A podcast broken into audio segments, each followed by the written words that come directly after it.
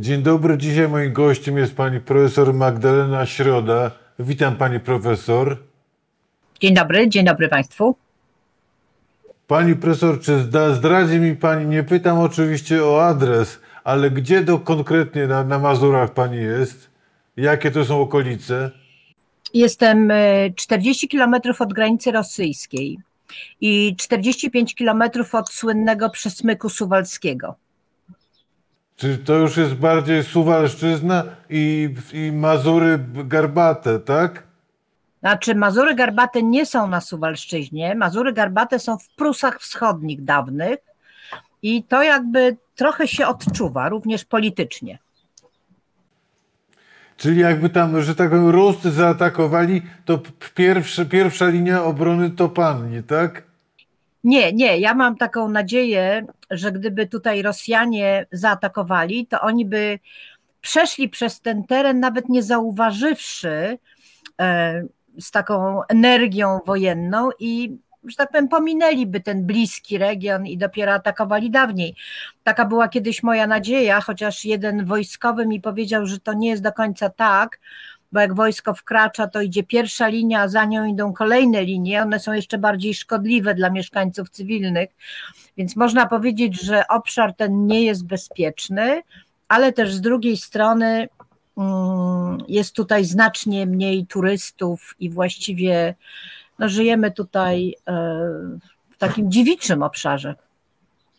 Pani profesor, co, co tam widać czego nie, i, i słychać, czego nie widać i nie słychać w Warszawie? Co, co, na co wskazują Pani badania terenowe?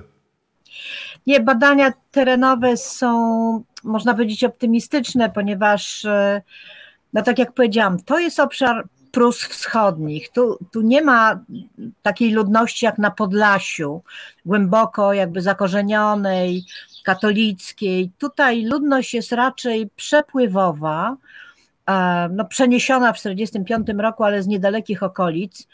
E, to są tereny popegierowskie, więc tutaj na przykład przez lata e, głosowano na PSL albo na SLD.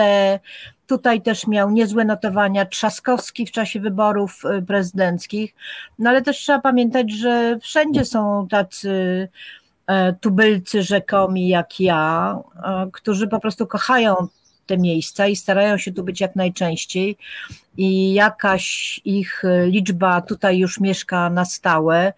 No i wszyscy są demokratami. Staramy się szerzyć tutaj demokrację, jak się tylko da, wbrew e, wszystkiemu, co się.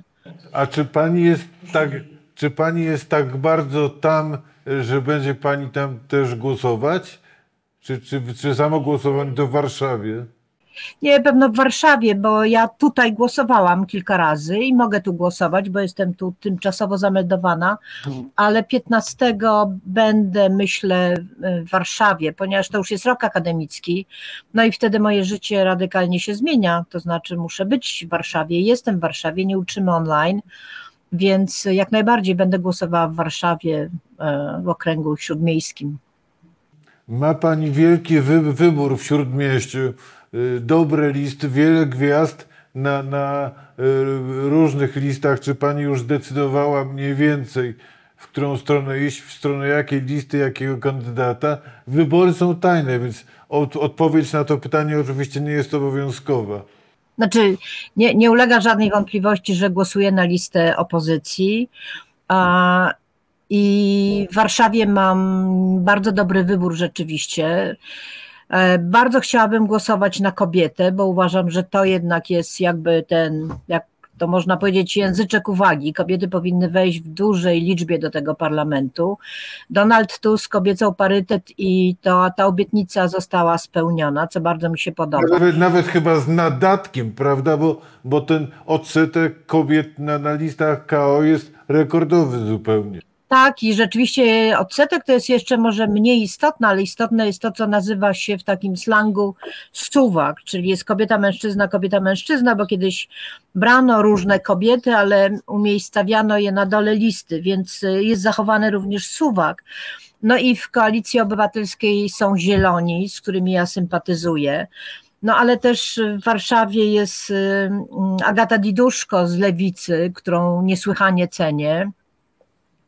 Na listach koalicji jest y, oczywiście Donald Tusk i y, doskonale znamy arytmetykę, czyli wiemy, kiedy Donald y, weźmie bardzo dużo głosów, to bardzo mocno wciągnie całą listę, ale też jest Urszula Zielińska, szefowa Zielonych, co jest strasznie ważne, ma drugą pozycję w Warszawie i naprawdę no, to jest bardzo ważny element. To jest ta bardzo ważna część Platformy czy Koalicji Obywatelskiej, czyli Ruch Zielonych.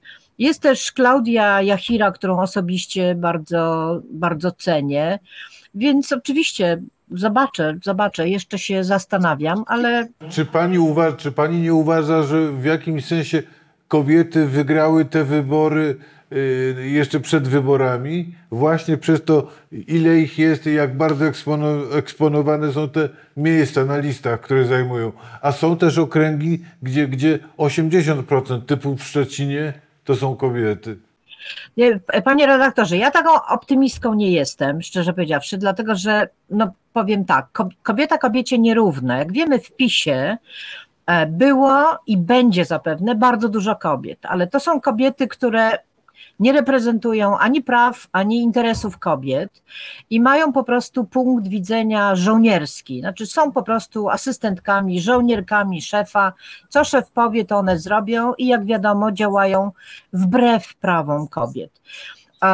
Jest taka tendencja w czasie układania list, w każdym razie to obserwowałam, że również na listach koalicji chętnie brano kobiety, które, o których wiadomo, że będą miłe, ciepłe, posłuszne, ozdobne, a nie będą fajterkami.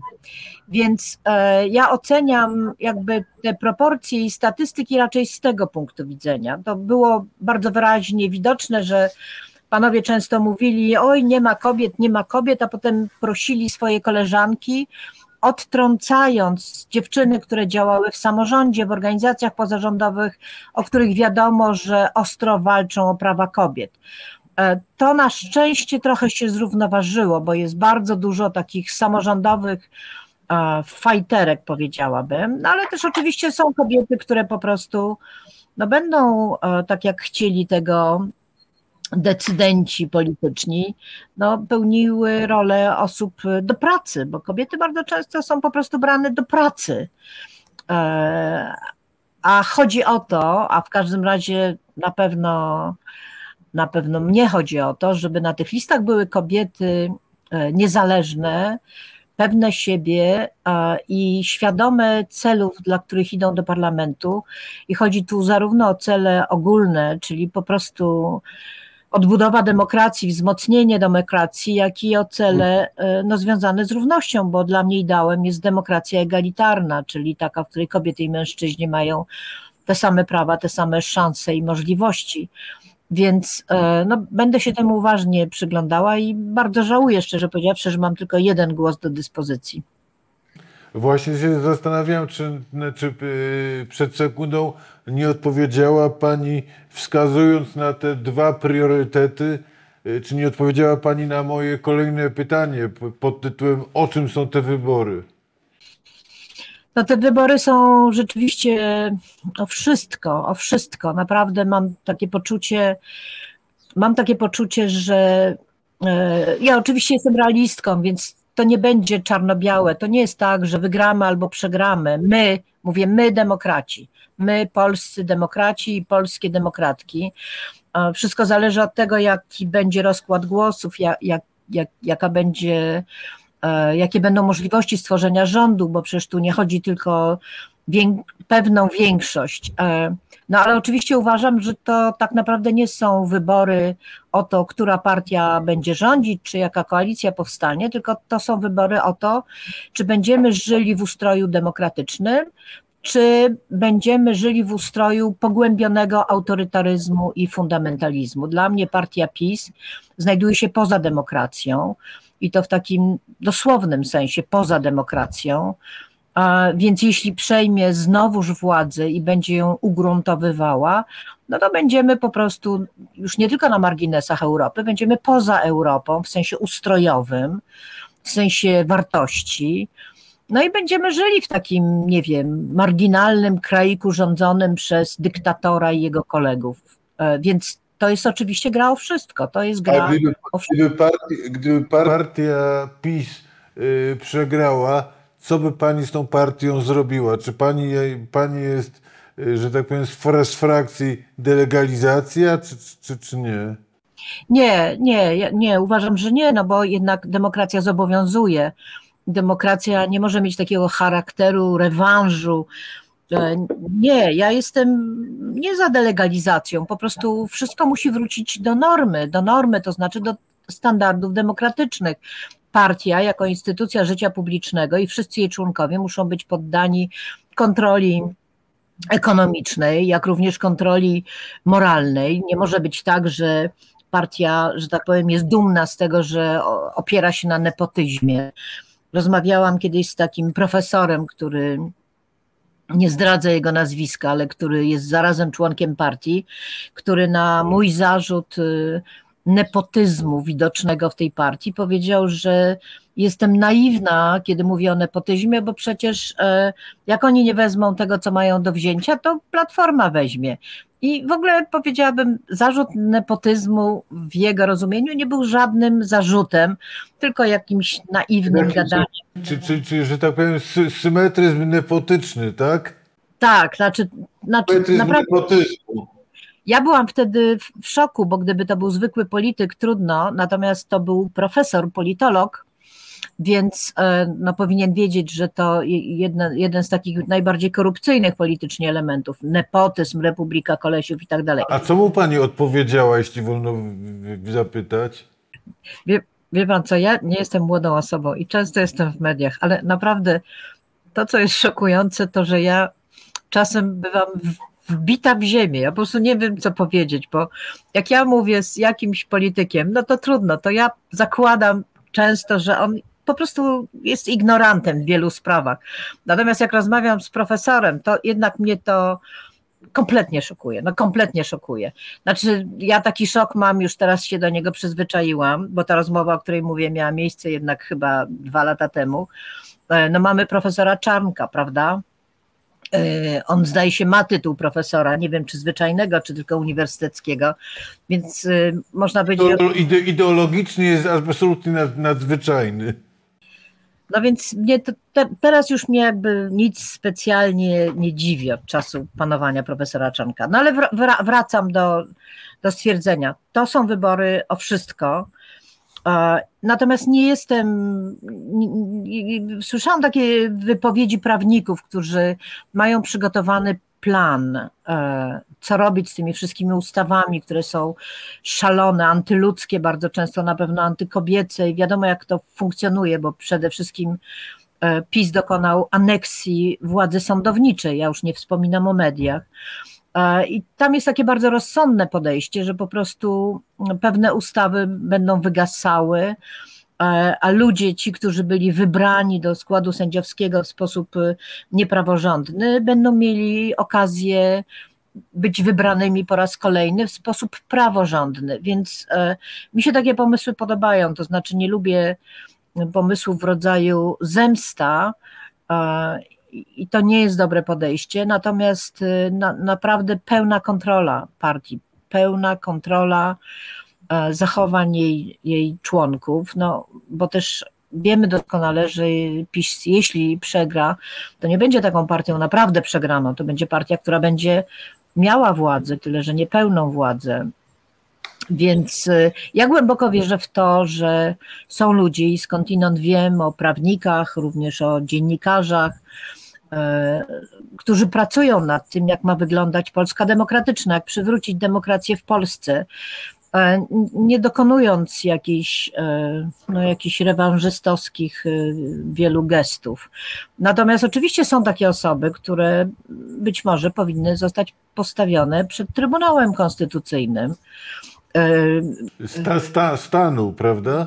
Stanu, przepraszam, Trybunałem Stanu i powinny po prostu e, ponieść konsekwencje swoich zachowań. Pewno nie bez powodu e, wymieniłam Trybunał Konstytucyjny, bo to jest chyba jeden z największych sz- skandali, żeby instytucja, która jest powołana właściwie do tego, żeby być e, strażnikiem praworządności i zgodności z konstytucją różnych ustaw, jest totalnie upartyjniona i prowadzona w sposób jakiś no, aż, aż głupio powiedzieć. Ja mam taki kłopot, kiedy dzwonią do mnie znajomi z zagranicy, zwłaszcza jak to są dziennikarze i domagają się jakiegoś wyjaśnienia, to czasem, szczerze powiedziawszy, czuję się aż zażenowana, no, opowiadając na przykład o Trybunale Konstytucyjnym prowadzonym przez magister Przyłębską i konfliktach, które tam się pojawiają, jak i o innych instytucjach tego typu. Więc część osób, tak, część osób, która której udowodni się winę takiego radykalnego niszczenia praworządności i łamania zasad konstytucyjnych w Polsce,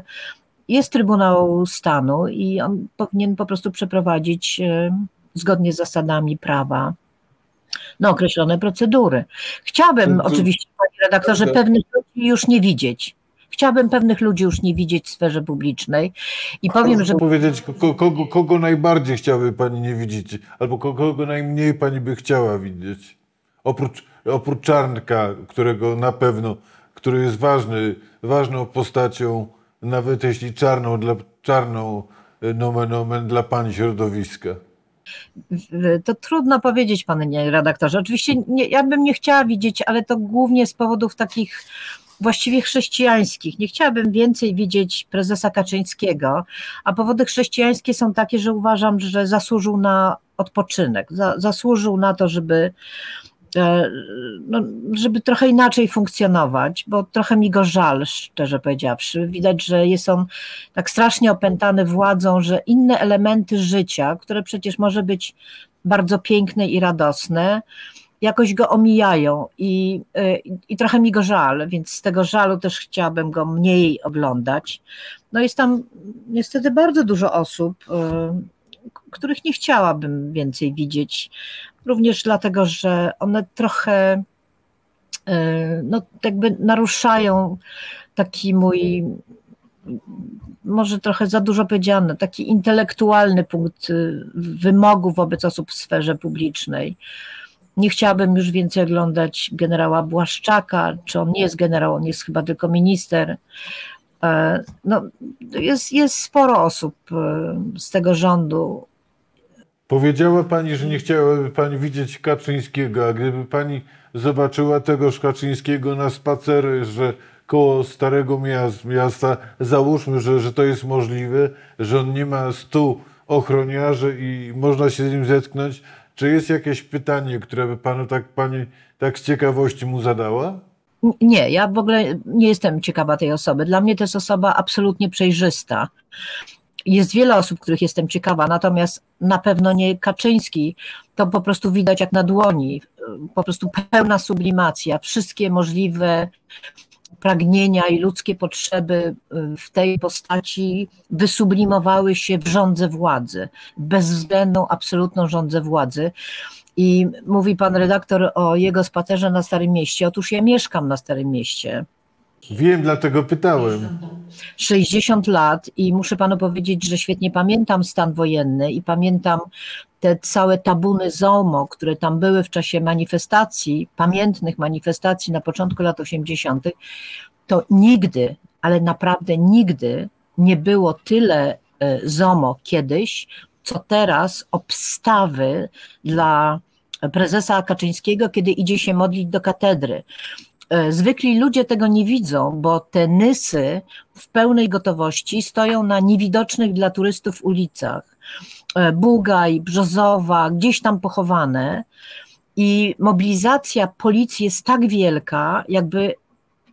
Ja mam taką anegdotę, którą chętnie opowiadam, mianowicie właśnie jak prezes jest na Starym Mieście, ja mam kłopot z dostaniem się na Uniwersytet Warszawski, a moi goście, jeśli wtedy przychodzą, mają kłopot z dostaniem się do mojego mieszkania, więc kiedy przyjechał Biden, e, prezydent Stanów Zjednoczonych i gościł na Zamku Warszawskim, ja poszłam do jakiegoś oficera, który zarządzał ochroną e, przestrzeni staromiejskiej i mówię, wie pan, mam dzisiaj gości, a jest Biden i jak ci goście mogą się do mnie dostać, bo ja mieszkam naprzeciwko katedry.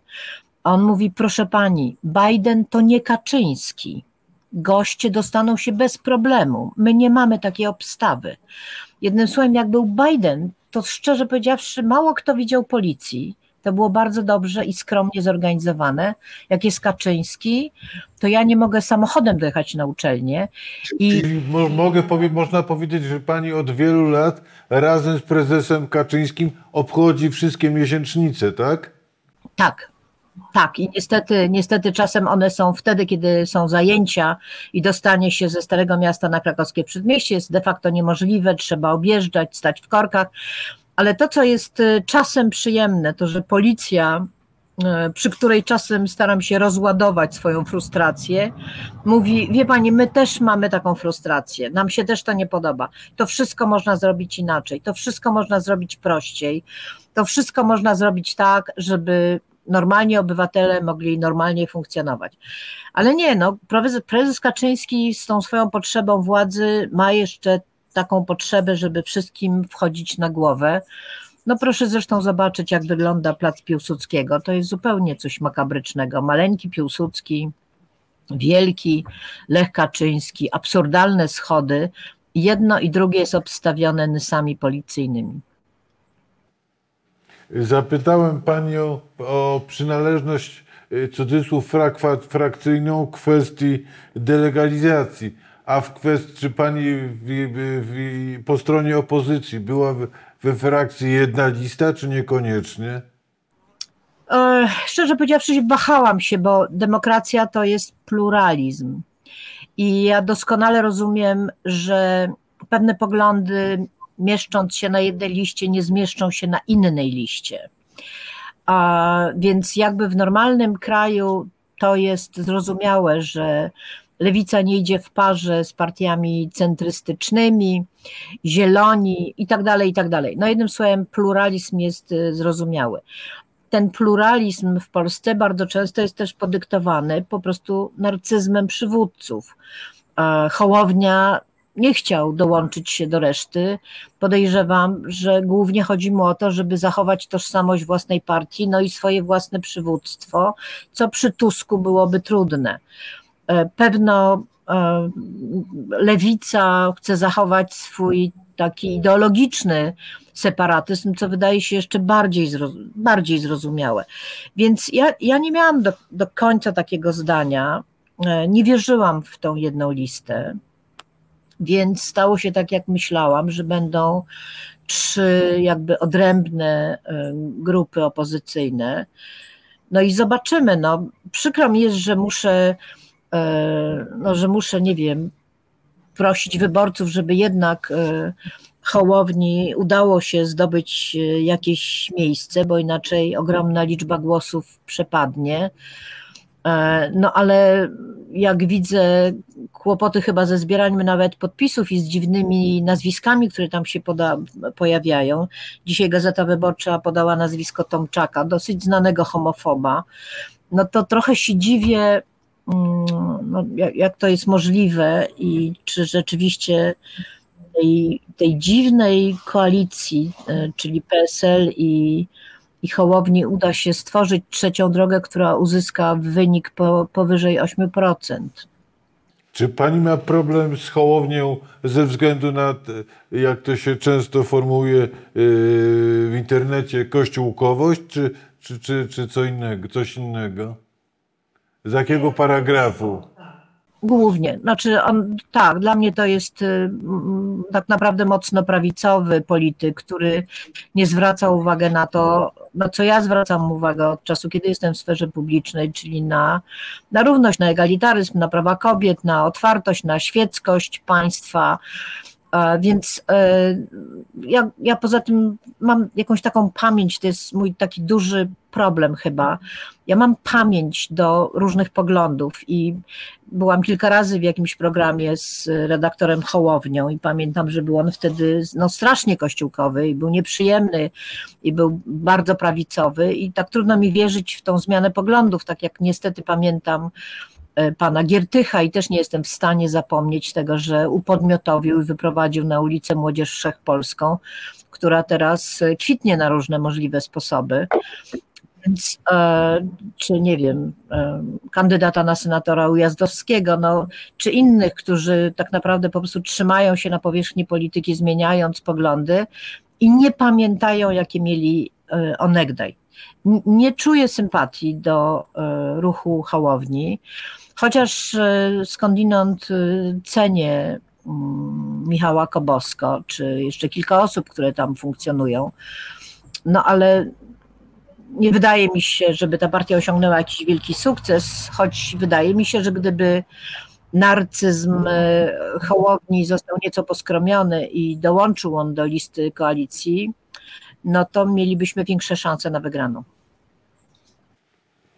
Y, A propos poglądów onegdaj, to pani środowisko, y, mówię w sensie Kongresu Kobiet, przez długie lata miało, miało dość, jak sądzę, scepty, sceptyczny stosunek i do KO, i do Tuska. Jak to dzisiaj wygląda, że tak powiem, na rok 2023, w przeddzień y, najważniejszych od lat wyborów? No więc y, to widać było w zeszłym roku na Kongresie Kobiet. Nagrodę dostał Donald Tusk y, w nadziei właśnie, że wprowadzi parytety na listy wyborcze. Kiedy Platforma Obywatelska była u władzy, no to nic dziwnego, że była przedmiotem krytyki. No trudno, żebyśmy mając y, władzę, a jednocześnie nie do końca mając y, wszystkie swoje prawa, my kobiety, pochwalały tę władzę, więc y, Oczywiście miałyśmy taką pozycję krytyczną wobec partii rządzącej, ale też trzeba pamiętać, że ta partia rządząca słuchała tych krytyk. Na każdym kongresie de facto był Donald Tusk e, i często był przyjmowany gwizdami ze względu na przykład na duży dystans wobec, e, e, wobec związków partnerskich i niechęci wobec homoseksualistów, której się już pozbył. E, Mieliśmy też problem z tym, że co prawda zgodził się na e, ratyfikowanie Stambulskiej Konwencji mm, o przeciwdziałaniu dyskryminacji wobec kobiet i e, przemocy w rodzinie, ale jednocześnie obsadził e, Ministerstwo Sprawiedliwości e, takim politykiem, nie wiem czy pan redaktor pamięta, nazywał się Jarosław Gowin.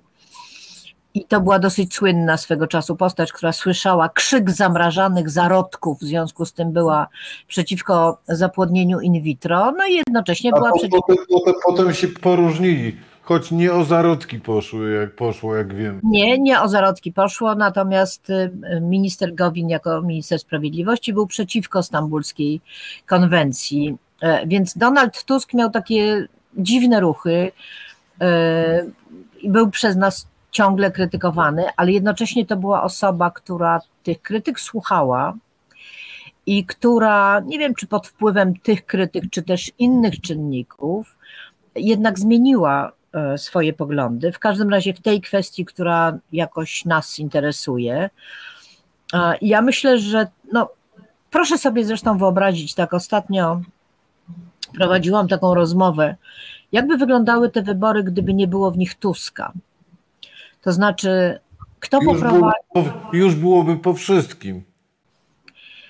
No może nie byłoby tak do końca po wszystkim, ale jednak e, to, co robi Tusk od kilku miesięcy, jeżdżąc po Polsce i jednak dynamizując opozycję i dając jej nadzieję, i to nie tylko przemówieniami, ale taką naprawdę codzienną pracą. Ja jestem godna podziwu, bo to tak naprawdę dla mnie prywatnie prowadzenie wykładów jest wielką frajdą, ale tak jeżdżenie po Polsce, spotykanie się z ludźmi, robienie sobie selfie i odpowiadanie na różne pytania, to jest rzecz bardzo męcząca. On cały czas ma tą energię i on tak naprawdę, że tak powiem, ciągnie tą demokrację w Polsce, więc e, naprawdę szapoba dla, e, dla Donalda Tuska i tam- mamy nadzieję, Czy, czy, czy tam pani, gdzie pani, pani jest teraz, w tak, powiedzmy w Prusach Wschodnich, ja rozumiem, że jest trochę na północ od Ełku, albo północny wschód, to, że tak powiem, jakieś echa pod tytułem Tusk Niemiec, y, cudzysłów, y, echa pisowskiej propagandy dochodzą, czy ludzie to kupują, czy są odporni na to? Nie, tutaj są raczej odporni. ja nawet y, byłam zdziwiona, bo jedna z osób, która jest beneficjentką 500, a teraz 800 plus e, i która nie za bardzo zna się na ekonomii, mówi, no właściwie jakie państwo wytrzyma tego rodzaju darowizny, mówi, to na pewno zaraz się skończy, bo przecież to są nasze pieniądze, to nie jest tak, że, także niektórzy dobrze rozumieją, że to, co rozdaje PiS, to nie rozdaje z własnej kiesy, tylko rozdaje nasze pieniądze, że jednemu dziecku zabiera, a drugiemu daje. Więc e, zdaje się, że niektórzy w każdym razie tutaj to rozumieją. E, oczywiście ja mam taki, ja mam, ja mam taki pomysł, znaczy według mnie, e, według mnie to nie jest tak, że, że PiS wygrywa dzięki darowiznom różnym. To jest oczywiście ważny element, ale przecież można wziąć pieniądze i, i nie głosować na PiS i ludzie to robią. Natomiast e, PiSowi, a właściwie Kaczyńskiemu udało się jakoś skutecznie uderzyć w taką strunę, taką strunę chyba godnościową, taką, że była pewno duża grupa ludzi w naszym kraju, no te 30%, co nie tylko liczy na pieniądze da, dawane przez rząd i na takie rozdawnictwo, ale że oni no, pod komuną się czuli jakoś wyobcowani, potem ta Bruksela i ta Europa i te języki obce i te podróże i, i, i według mnie Kaczyński dotknął takiego jakiegoś punktu polskości. My, teraz my, teraz my, Polacy, bo e, jak tutaj znam osoby, które na pewno głosują na PiS, to to nie są e, byli pracownicy PGR-ów. To są notariusze, to są dentyści, to są lekarze, to są ludzie, No, którzy. pracują- średnio.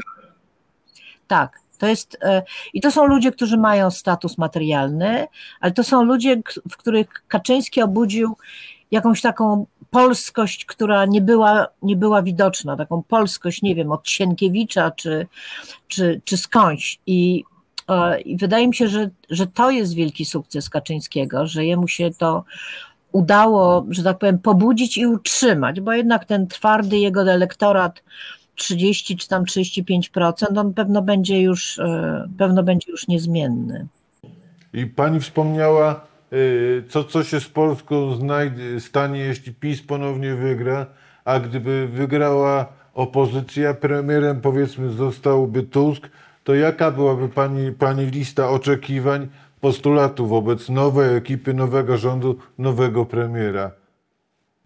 No to ja, to ja szczerze powiedziawszy, znaczy ja nawet nie tyle ja, co my w Kongresie Kobiet mamy gabinet cieni i właściwie mamy odpowiedniki y, wszystkich, znaczy dziewczyny, kobiety, profesorki głównie, które sprawują władzę ministerialną, można tak powiedzieć. Został napisany taki program polityczny, A pani tam jest premierem, czy, ministr, czy ma pani swój resort? E, Ja, ja tak, ja mam resort edukacji. Oczywiście resort edukacji mam. I nawet y, jakby apeluję czasem do opozycji, że proponuję swoją skromną osobę przynajmniej na rok na ministra edukacji. E, Obiecuję, że nie będzie żadnych wielkich, gwałtownych reform, bo tego szkole najmniej potrzeba, ale na pewno można wydać takie rozporządzenie, żeby każdy nauczyciel promował kilka takich dosyć ważnych elementów, takich jak myślenie, krytycyzm, wyobraźnia wśród młodych ludzi. Jestem też za, za tym oczywiście, żeby religia wróciła do sfery sakrum, wróciła do sfery sakrum, bo tam jest jej miejsce.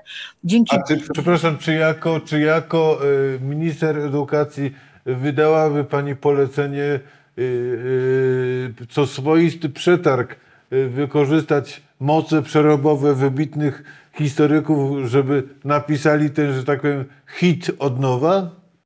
Nie, no oczywiście. Znaczy rewizja programów, zwłaszcza języka polskiego czy historii, jakby natychmiastowa. Natychmiastowa. Są podręczniki, naprawdę dobre są podręczniki e, i po prostu promowanie, nie wiem, osobistych peregrynacji profesora Roszkowskiego jest czymś kompletnie nonsensownym. Ja tylko mam nadzieję, że młodzież się dosyć szybko zorientuje, że to raczej taka kabaretowa książka. No, trudno powiedzieć, żeby ona była naprawdę groźna, bo musielibyśmy mieć szwadron policji, żeby stał za czytaniem tej książki, żeby ją traktować, żeby ją traktować serio.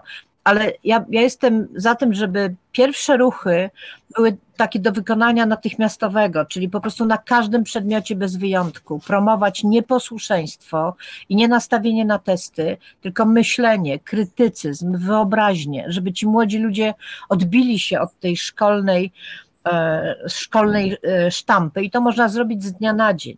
Natomiast oczywiście jestem za tym, żeby powołać określone komisje do napisania różnych podręczników do historii, jak również języka polskiego, bo to wszystko siedzi w XIX wieku, ale też, co dla mnie szczególnie ważne, wprowadzenia pewnych przedmiotów i to jest przede wszystkim edukacja obywatelska, która nie jest edukacją teoretyczną, a wyłącznie praktyczną.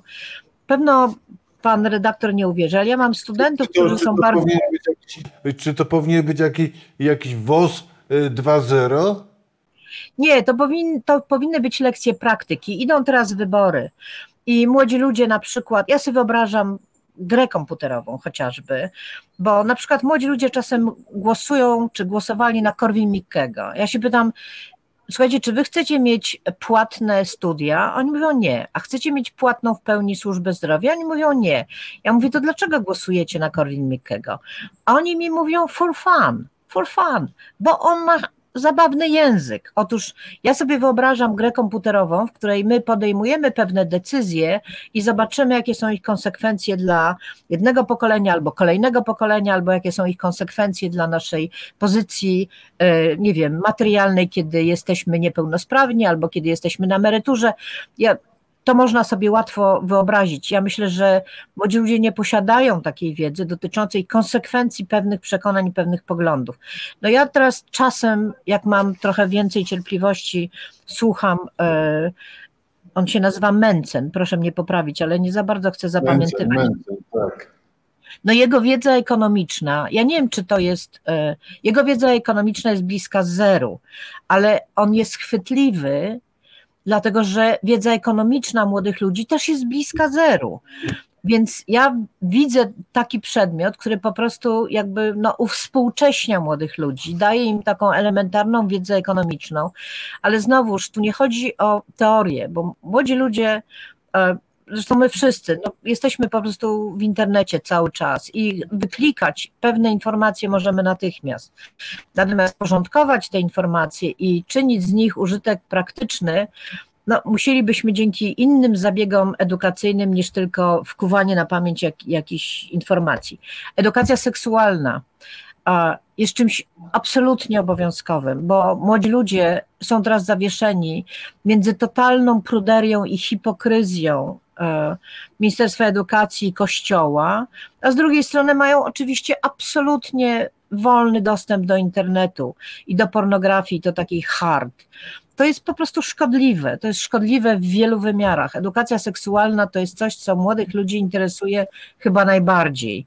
W pewnym wieku, nie wiem, 12, 13, iluś lat, młodzi ludzie interesują się swoją fizjologią, seksualnością, ciałem, relacją z innymi i to szkoła taką wiedzę o tym, jak to wszystko uporządkować, powinna przedstawić. Bardzo ważna jest edukacja etyczna. No przecież wszyscy wiemy, to już chyba nawet księża mówią, lekcje religii czy katecheza nie przekłada się ani na wiedzę, ani na postawy, ani na etykę, ani na wiarę. Na nic się nie przekłada.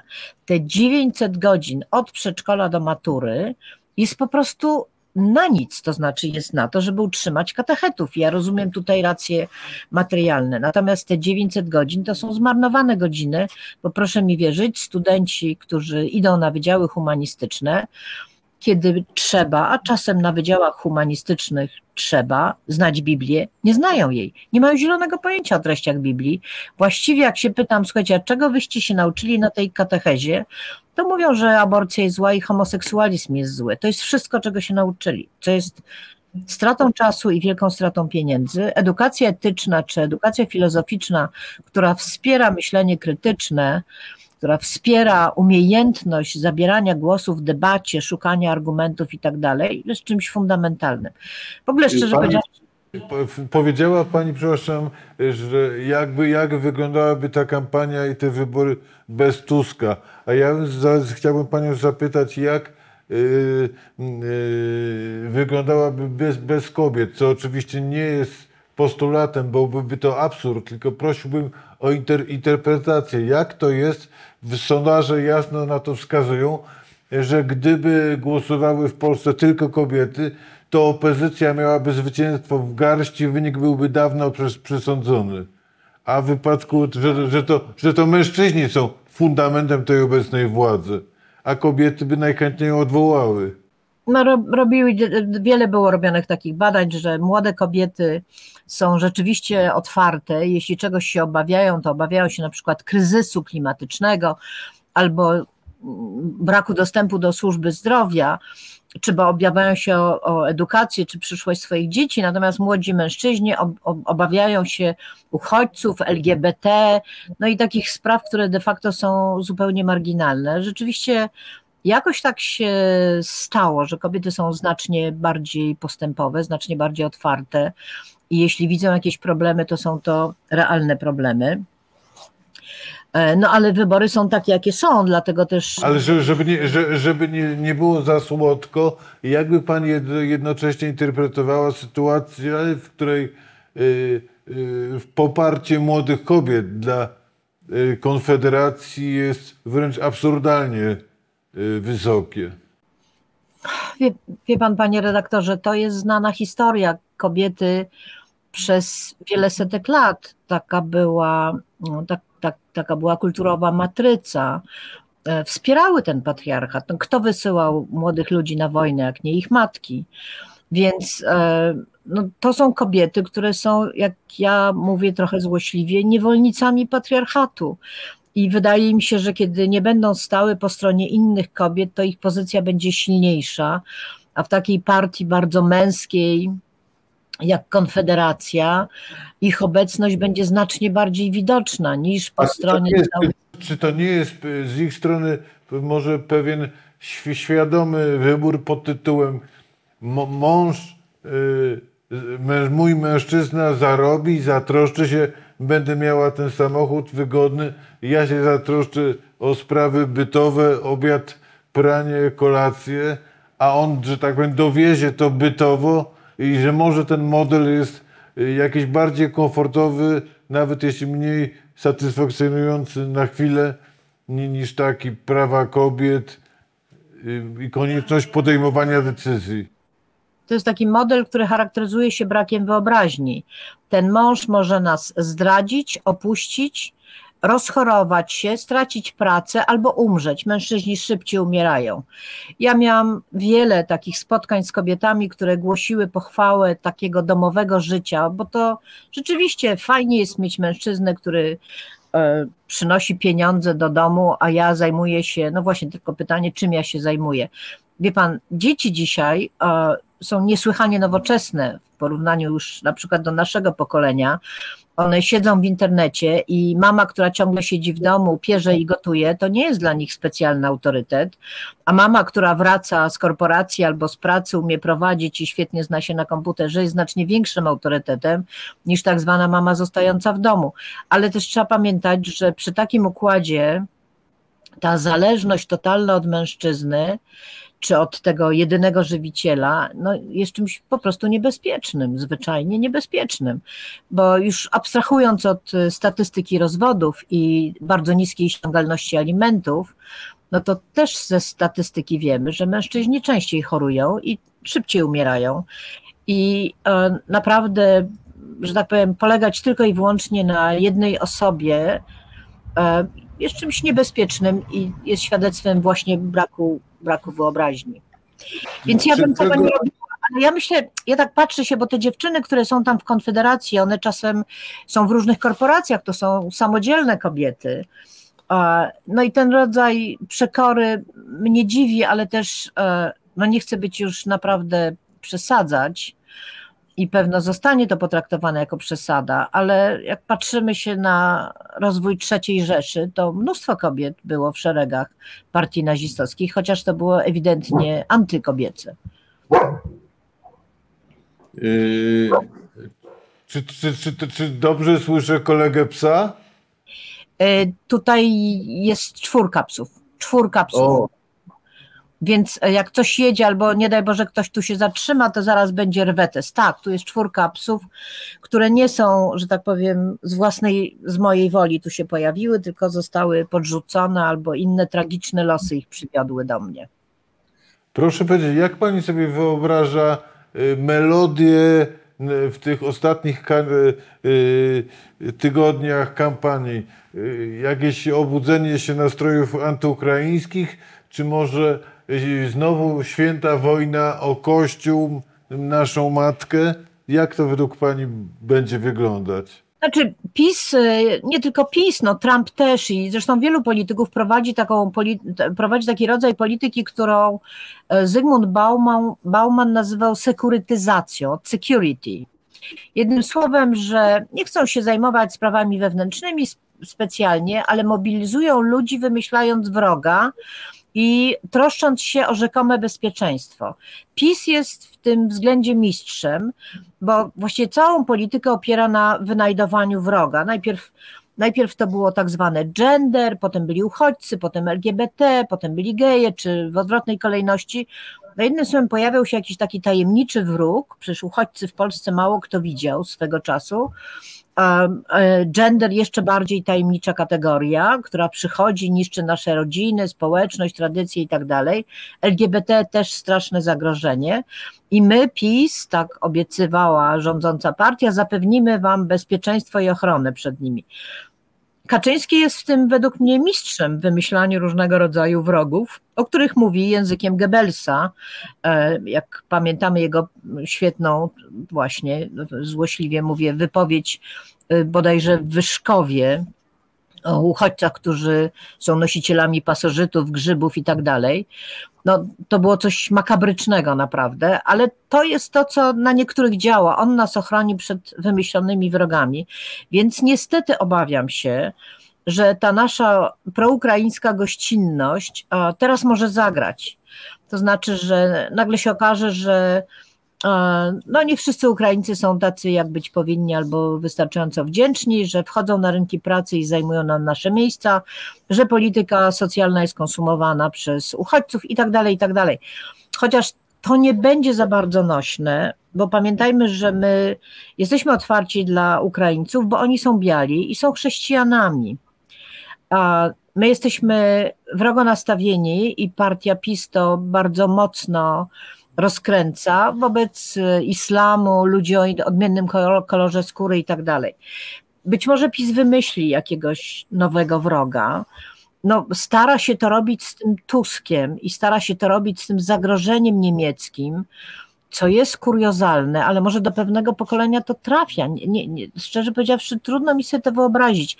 Ja codziennie zaglądam na takie strony w polityce i właściwie myślę sobie czasem, że albo oni oszaleli, albo też to jest jakaś kryptostrona promująca Tuska, bo na powiedzmy 50 różnych newsów tamtejszych, 40 to są przeciwko Tuskowi, no ale jednocześnie to mu jakby dostarcza popularności. Więc jest jakiś obłęd na punkcie Donalda Tuska i jego niemieckości i Niemców w ogóle. Więc ja nie wiem, może PiS wymyśli, że albo wzmocni to zagrożenie związane z Unią Europejską, bo zdaje się, że PiS bardziej się obawia Unii Europejskiej niż na przykład Rosji, którego gdzie ten model polityki putinowski, wydaje mi się, z formalnego punktu widzenia, jest względnie akceptowalny. Czy, czy pani, tak powiem, dziesięciolecia studiów filozoficznych i badania kwestii etycznych czynią pani y, dziś, w ostatnich dniach sierpnia, y, optymistką w kwestii tego, co się w Polsce zdarzy za parę tygodni, czy, czy, czy, czy raczej każą być sceptycznym? Ja bym powiedziała tak. Ceteris paribus, czyli gdyby okoliczności nie uległy zmianie, to jestem optymistką i myślę, że te wybory zostaną w jakimś procencie wygrane. Problem będzie później. Natomiast ja, panie redaktorze, obawiam się tak zwanych okoliczności nadzwyczajnych, czyli pojawi się na przykład jakaś rosyjska rakieta o bliżej nieokreślonym tak naprawdę pochodzeniu, e, która będzie pretekstem do tego, żeby PiS wprowadził stan wyjątkowy. Przynajmniej Prigorzyn już się nie pojawi na Suwalszczyźnie. Ale ja muszę powiedzieć, że ja nie za bardzo wierzę w tę śmierć Prigorzyna. Trudno mi sobie wymyślić, wyobrazić, żeby ktoś taki jak Prigorzyn wsiadał do e, samolotu i leciał na teren Rosji. Mi się to, to, to jest taki dziwny kraj, tam właściwie nic, nic nie jest czarne, bo czarne, białe, bo białe. Wie pani, to tylko, to tylko jak wiemy z historii, nawet wielokrotnie dźgany nożem Rasputin ożywał co i róż. No dokładnie tak. Jest taki komentarz e, e, Szczyrka w mediach, który, który jest śmieszny i trzeba go oczywiście traktować w odpowiedniej konwencji. On mówi, że Rosja to jest taki wielki Maciarewicz, taki ober Maciarewicz, czyli po prostu czyste szaleństwo, ale zmaksymalizowane do, e, do jakichś e, przedziwnych granic. No i Do, Dostojewski z turbodoładowaniem, tak? tak, tak, taki właśnie, więc, e, więc ja tak nie do końca wierzę w tę śmierć tak naprawdę i dziwię się różnym takim komentarzom entuzjastycznym, że to, nie- nie wiem, to, to jest wszystko, sam jego marsz na tę Moskwę, to wszystko jakieś takie dziwne, ja nie wiem ile tam jest kolejnych warstw interpretacyjnych i motywacyjnych tego wszystkiego, więc e, patrzę się na to z takim dużym dystansem, wszelako wszelako obawiam się, że PiS y, ma wszystko do stracenia w czasie tych wyborów. Naprawdę wszystko. Jak mówię wszystko, to nie mówię tylko o władzy, ale mówię też o osobistej wolności niektórych na przykład. I ja myślę, że stanie na głowie, stanie na głowie, żeby albo te wybory wybrać, albo do tych wyborów nie dopuścić, jak będzie wiedział, że nie wygra. Ale to, to jest ten mój taki pesymistyczny, taki pesymistyczny pogląd, który jednak chowam, bo jeśli wszystko będzie toczyło się tak jak teraz, e, to jestem taką, tak, um- umiarkowaną optymistką. No ale to też wynika z tego, że ja jestem po jednej stronie, jestem w te wybory zaangażowane, bo wspieram różne kobiety, pomagam. Tutaj niedaleko była Akademia Kongresu Kobiet, gdzie było dużo dziewczyn, które startują po raz pierwszy. No i no z tego punktu widzenia jestem oczywiście optymistyczna. No idzie Kongres Kobiet, który będzie 2-3 września w Poznaniu, na targach zapraszam. E, Więc, no ale panie redaktorze, jesteśmy w takim kraju, w takim miejscu, w takim czasie, że ta przyszłość naprawdę jest dużo gorsza do przewidywania niż Nie wiem, czy pani pamięta, było takie powiedzenie w PRL, że Polska to jest taki dziwny kraj, że, w którym możliwe jest szybko, wszystko, nawet zmiany na lepsze. No tak, no to, to jest bardzo dobry, to jest bardzo dobra ocena Pani tego, profesor, serdecznie pani y, dziękuję za rozmowę i proszę w moim imieniu serdecznie przeprosić pieski, że panią z, y, zabrałem im na godzinę. one śpią, ale dziękuję bardzo. Wszystkiego dobrego, miłe, mi, mi, mi, miłego, re, odpoczy, re, miłej reszty odpoczynku. Pozdrawiam serdecznie. Dziękuję bardzo.